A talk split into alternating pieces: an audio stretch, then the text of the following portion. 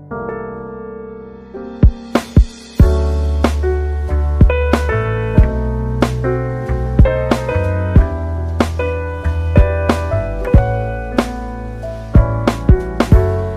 halo Jakarta, apa kabar? Sehat, sukses selalu tentunya ya. Uh, saya di sini sebatang kayu, uh, selalu setia di podcast Koran Jakarta untuk menghadirkan informasi dan tamu-tamu yang bisa memberikan insight menarik untuk kita semua. Oke Jakartans, kalau begitu kita langsung saja kita temui tamu istimewa kita hari ini, uh, seorang uh, senator di parlemen di Senayan, itu Bapak Dr. Uh, Abdul Khalid, sekarang sudah ada bersama kita. Nah, langsung kita sapa aja. Selamat sore, Pak Khalid. Selamat sore, Bang Oke. Ya, ini beliau ini uh, sangat beruntung pada saat pemilihan bisa menjadi 10 besar tertinggi perolehan suara yaitu mencapai 1.400 sekian lebih itu saya kira angka yang luar biasa ini jadi pantas saja uh, ini bisa membawa Pak Khalid ke Senayan ya. Jadi uh, kita langsung saja. Ya, untuk topik kita hari ini adalah masih berkaitan dengan COVID-19. Jadi banyak aspek yang harus tertunda dan terganggu oleh situasi seperti ini. Nah, kali ini kami ingin mencoba kaitkan dengan pilkada. Artinya ini kayak buah simalakama. Kalau kita tidak laksanakan, nanti katanya banyak uh, kepala daerah yang PLT sehingga tidak bisa mengambil kebijakan yang strategis. Sementara kalau tidak uh, kalau kita tidak kita lakukan, ya itu tadi kalau kita lakukan mungkin ada risikonya. Ya artinya bisa jadi apa yang kita harapkan untuk menghambat uh, uh, penyebaran COVID ini malah justru tidak efektif. Nah, kira-kira bagaimana pendapat Pak Holik ini? Ya, terima kasih Bang Oke dan selamat sore untuk seluruh uh, pendengar kita ya Bang Oke ya. Ya, betul, betul.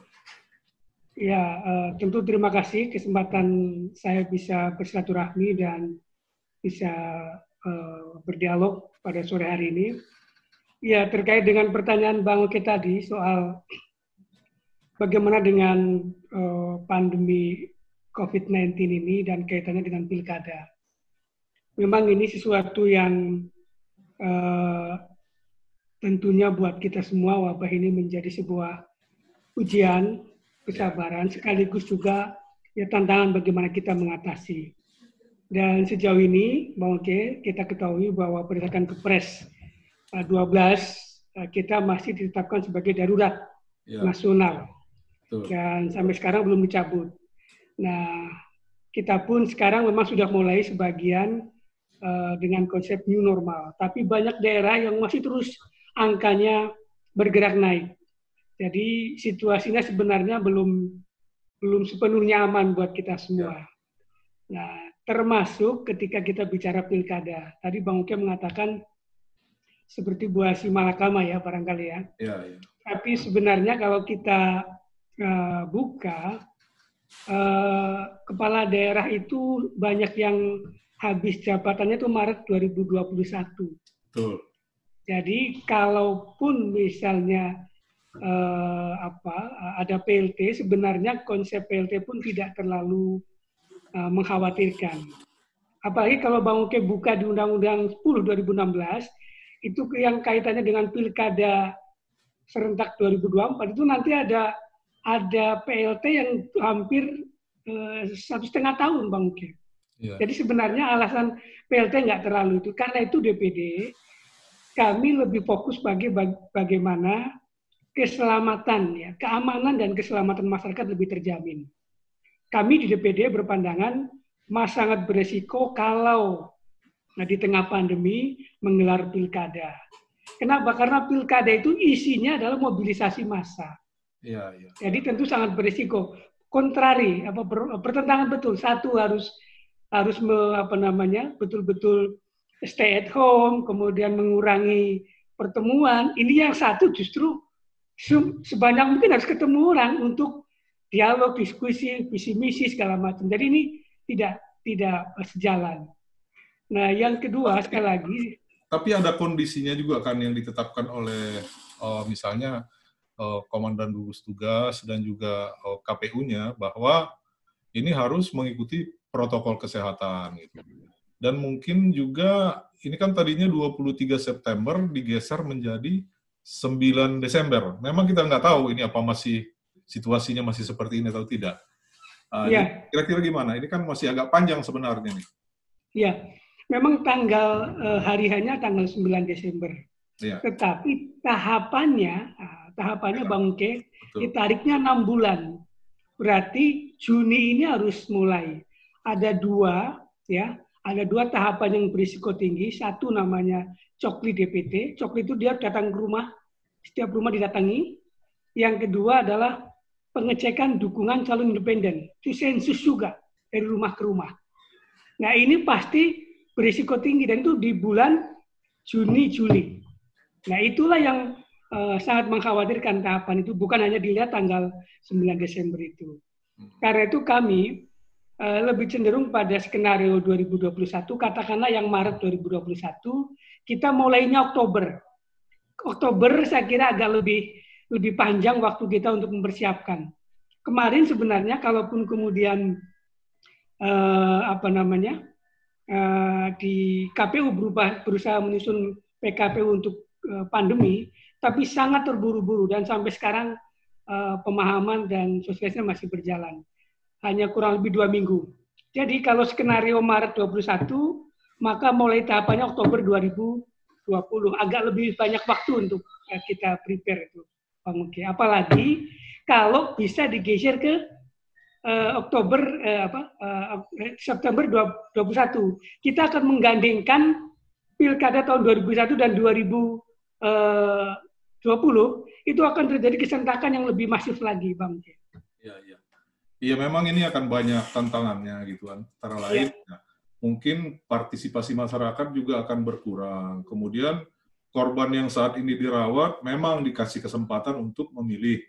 Tetapi ya. kan itu juga berisiko untuk mendatangi, mendatangi mereka ke tempat-tempat uh, mereka dirawat gitu.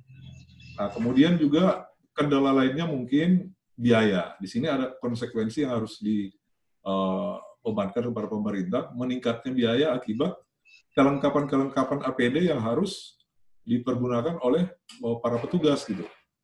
Ya. Jadi mungkin itu salah satu uh, alasannya, Pak Holik ya. Betul. Jadi ini selain beresiko tinggi berkaitan dengan masih uh, penyebaran COVID-19 itu juga tadi ada implikasi terhadap pembengkakan biaya, Bang Ude. Di KPU bukan hanya untuk APD, APD pasti ya, tapi juga karena KPU akan me memperkecil TPS. Jadi sekarang ini Bang Uke, karena kemarin tahapan sudah jalan, itu sebenarnya TPS sudah disetting oleh semua KPU daerah. Tapi dengan jumlah pemilih kisarannya maksimal 800. Nah KPU karena era COVID itu nggak boleh lebih dari 400. Dibongkar lagi TPS-nya, dan berarti itu adalah anggarannya membengkak, petugasnya bertambah, dan segala macam. Makanya kemarin KPU mengajukan anggaran 4,7 triliun. Padahal kalau kita skemakan di 2021, DPD punya hitung-hitungan bisa lebih hemat 2 triliun bahkan. Tidak nambah malah hemat 2 triliun. Ya. Nah, jadi ini eh, komplikasinya banyak sekali. Ya resiko wabah, anggaran, dan tadi meskipun menggunakan APD, belum tentu eh, apa namanya keselamatan dan eh, keamanan ter terjamin. Kemarin kita dengar-dengar Bang Uke, dokter yang di rumah sakit, perawat di rumah sakit sudah dengan protap rumah sakit aja masih bisa terpapar. Jadi menurut kami resikonya tetap tinggi, Bang Oke. Ya, kami apresiasi sekali itu tentang pendapatnya oh, dari Pak Khalid. Tapi faktanya memang demikian bahwa statement-statement dari pemerintah masih mengarah kepada pelaksanaan oh, di 9 Desember nanti. Tapi kalau saya lihat memang ini itu tadi makanya saya bilang seperti buah si malakama karena yeah. anggarannya akan naik, A juga ya di samping anggaran naik, risikonya juga mungkin tinggi. Jadi uh, ya mungkin sebagai anggota Dewan Perwakilan Daerah Republik Indonesia tentu juga fokus pada keselamatan rakyat ya. Mungkin itu yang saya lihat pendapat dari Pak Khalid ya. Ya, dan Bang Oke begini, kita ini memang kan uh, juga apa uh, parlemen kita kan dua kamar. DPD kalau dalam konteks uh, parlemen adalah kamar kedua. Ya. Memang di banyak negara praktek seperti ini berjalan di mana sebuah keputusan yang menyangkut kepentingan publik yang besar itu memang dibahas di dua kamar. Ya. Di kamar pertama atau house memang biasanya lebih berat dengan pertimbangan politis. Ya Makanya kadang-kadang keputusannya agak sedikit hot gitulah. Nah, ya. kami di DPD karena cenderung memang eh, sebagian bukan sebagian besar bukan afiliasi politik, maka keputusannya memang kita lebih lebih lebih komprehensif melihatnya. Ya. Aspek politiknya kurang, maka kami lebih keselamatan dan kehati-hatian menjadi lebih pertimbangan. Mungkin teman-teman di DPR dan pemerintah agak lebih banyak di uh, aspek politiknya, Pak Bang Oke. Iya, iya, iya, iya. Ya, Pak Khalid ini memang salah satu wakil ketua di Komite 1 ya DPD ya. Wakil Betul, Bang. Jawa Tengah. Nah, jadi saya kira memang pertimbangan-pertimbangan yang disampaikan cukup masuk akal. Nah, tetapi itu tadi saya bilang ini masih tetap sebagai sebuah oh, kontroversi yang masih mengemuka di jalan ya. Di yang masih berjalan gitu. Kami pada akhirnya bersikap begini Bang Oke. Kami kemarin ketika paripurna dari berbagai daerah menyampaikan, misalnya dari Bali. Bali itu termasuk yang peringkat kedua terbaik penanganan COVID-nya. Ya, betul. Eh, di sana ada delapan daerah yang mau pilkada. Itu hasil pembahasan dengan unsur eh, apa namanya Forkompimda dan kemudian juga itu dari anggota uh, senator dari Bali menyampaikan di paripurna, Bali pun lebih ingin ditunda 2021. Meskipun suasana Bali relatif itu. Ya. Kemudian ada juga laporan dari Lampung misalnya, ada kurang lebih 8-9 daerah di sana, daerahnya sudah tidak mampu lagi menambah biaya dari APBD. Ya. Jadi mereka mau jalan kalau APBN yang biayai. Ya. ya memang ada juga daerah yang bilang mereka siap. Nah, tapi intinya uh, ibarat uh, rumus kalau di fisika Bang Bang Oke plus sama minus akhirnya bisa jadi minus gitu kan. Yeah. Ini yang yang baik yang yang apa namanya zona hijau dicampur dengan yang zona merah hasilnya nanti bisa jadi negatif juga lah. Ini ini kami pertimbangannya lebih betul-betul uh, apa namanya prudent sekali untuk soal keselamatan Bang Oke. Ah, kalau boleh tahu itu dari beberapa daerah itu kira-kira perbandingannya seperti apa yang yang pro 2 Desember dan yang yang minta ditunda karena alasan kesehatan dan keselamatan itu? Ya memang eh, apa variasi variasi cukup banyak yang kemarin Pak Ridwan Kamil sendiri apa eh, menyampaikan Jawa Barat sebenarnya kalau boleh meminta 2021. Ya. Pak Ridwan Kamil itu kan hampir sebagian besar Jawa Barat. Tadi Bali sudah. Di Jawa Tengah ada juga Bupati Wonogiri itu sampai mengatakan kalau tetap dipaksakan pilkada dia incumbent ini. Ya. uh, kemudian dia mengatakan kalau dipaksakan sampai pilkada tahun ini saya mundur dari pencalonan. Padahal dia incumbent yang uh, sangat kuat, tapi dia ya dia mengatakan Wong kami sedang mengatasi COVID saja sedang repot kok, masa harus mikir uh, pilkada gitu. Jadi Eh, saya kira hal-hal seperti ini harus kita tangkap dan harus kita jadikan pertimbangan yang betul-betul uh, matang buat pemerintah. Tapi kalau pemerintah, DPR dan KPU tetap berjalan, DPD dengan sikapnya itu akan tetap uh, bertahan untuk apa uh, skenario kami tetap lebih secure di 2021, menolak pilkada uh, Desember 2020 dan mudah-mudahan ini menjadi bagian dari kontrol kami kepada KPU dan DPR dan Mendagri agar betul-betul berhati-hati. Jadi ini menjadi semacam warning yang melekat terus kepada mereka sehingga kalaupun pilkada dilaksanakan semua dengan protap yang ekstra hati-hati.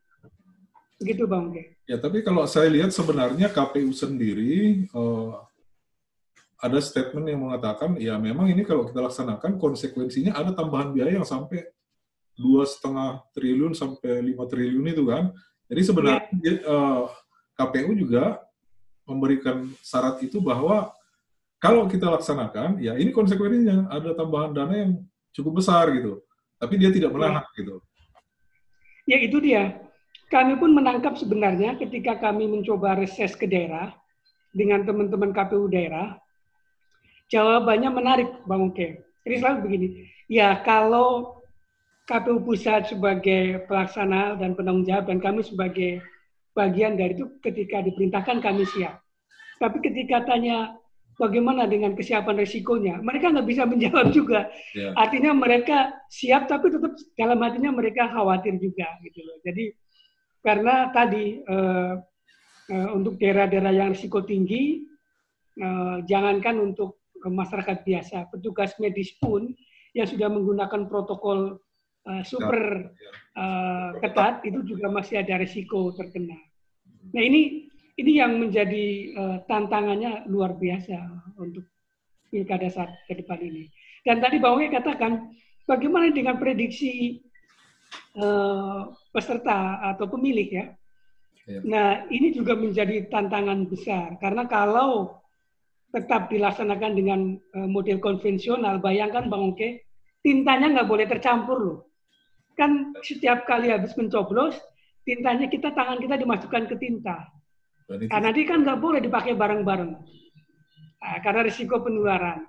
Yang kedua, bagaimana dengan uh, jaminan penyelenggara atau petugasnya juga uh, apa uh, sudah steril.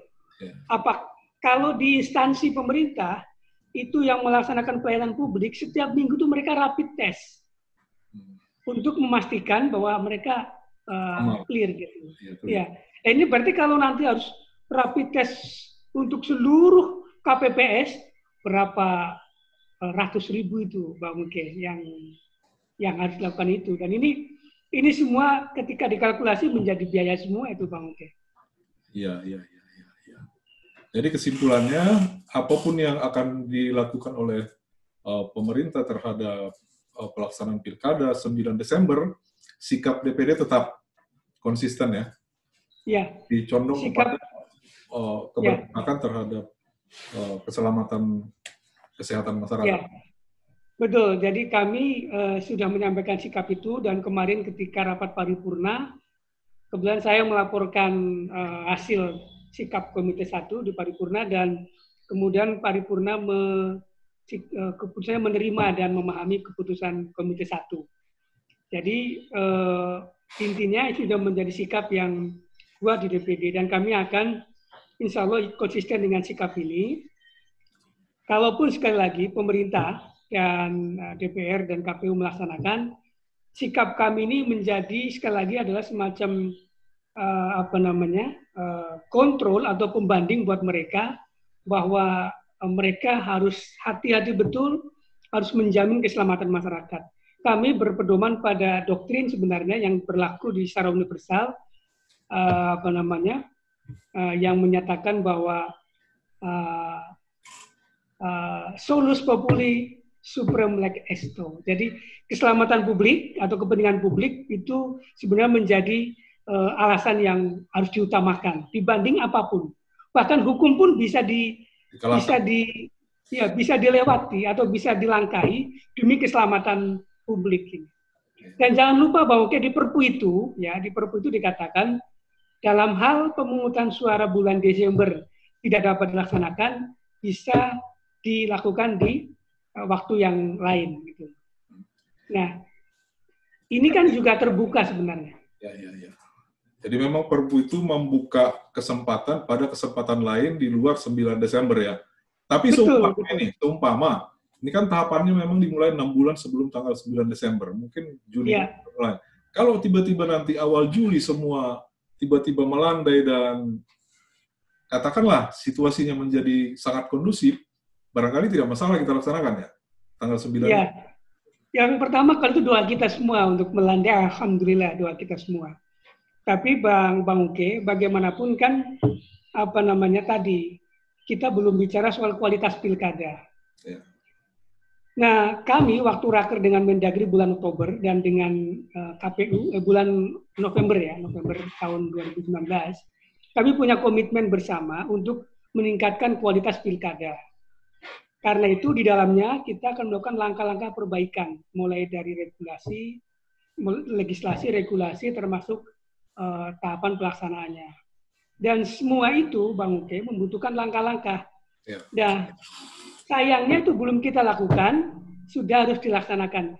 Tadi, kalau saja bersabar sedikit, kita perbaiki tahapannya, Bang Uke, kita bukan nambah anggaran, berhemat sampai 2 triliun.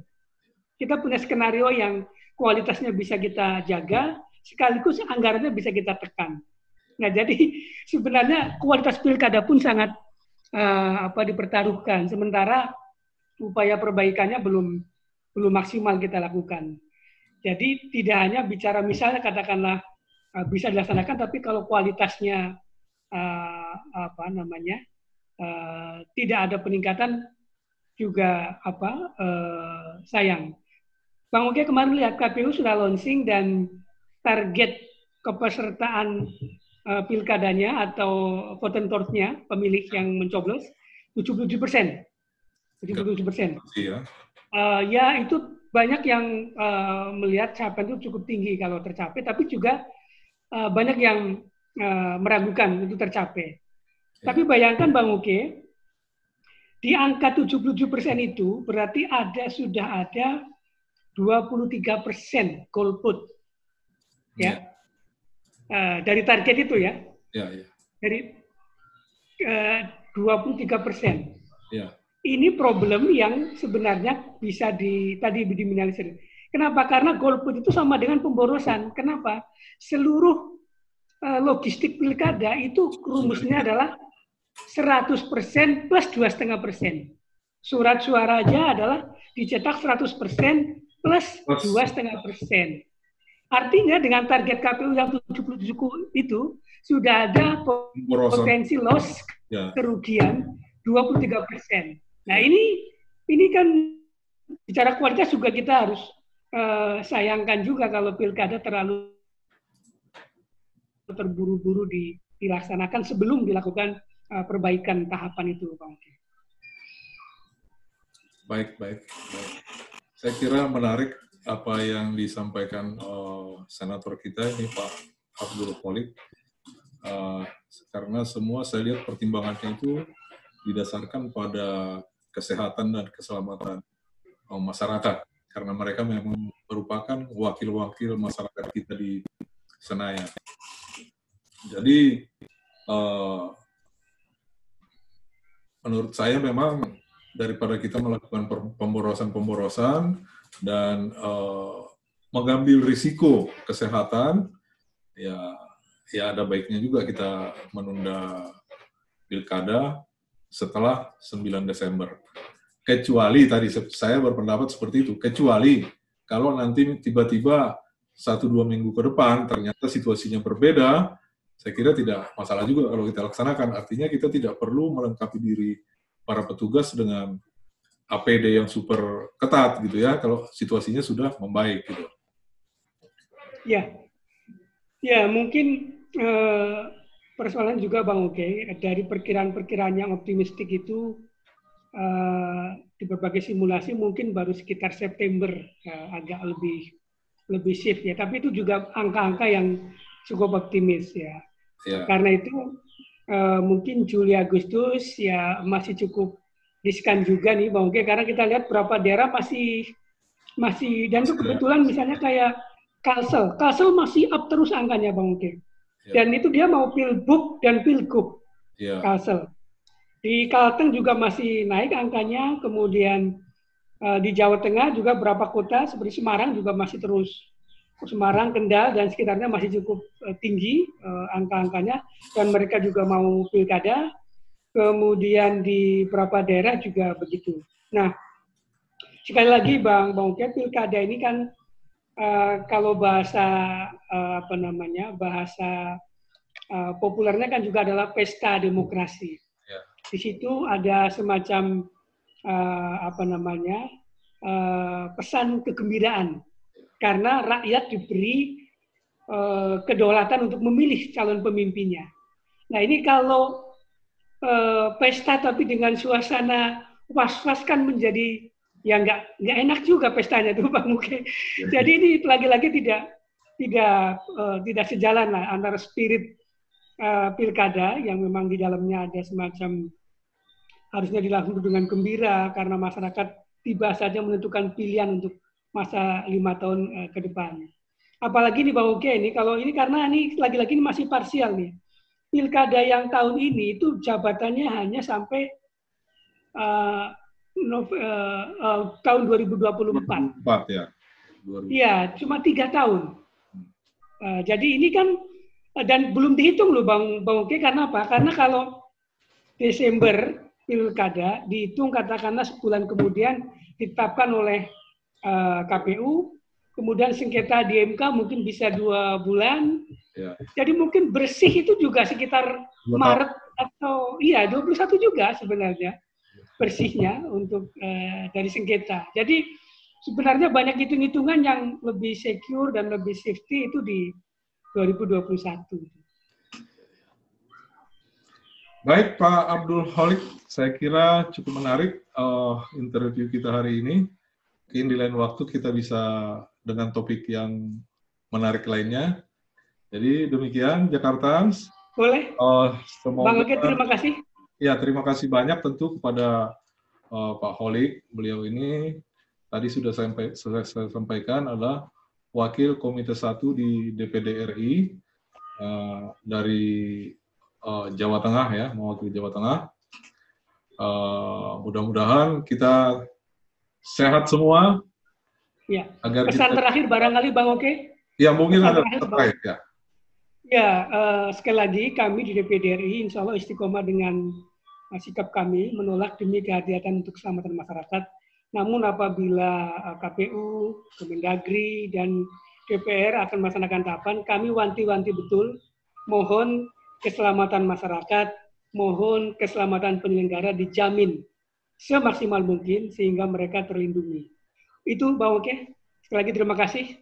Ya, terima kasih. Saya pikir pesan terakhir ini juga mengakhiri pertemuan kita pada kesempatan ini. Sekali lagi terima kasih untuk Pak Molik yang sudah uh, bersedia kami temui pada hari ini. Mudah-mudahan ada kesempatan lain untuk kita bertemu kembali. Jadi saya kira terima kasih. Terima kasih ya terima kasih untuk semua dan salam sehat dan salam sukses buat kita semua. Amin. Ya, bye bye.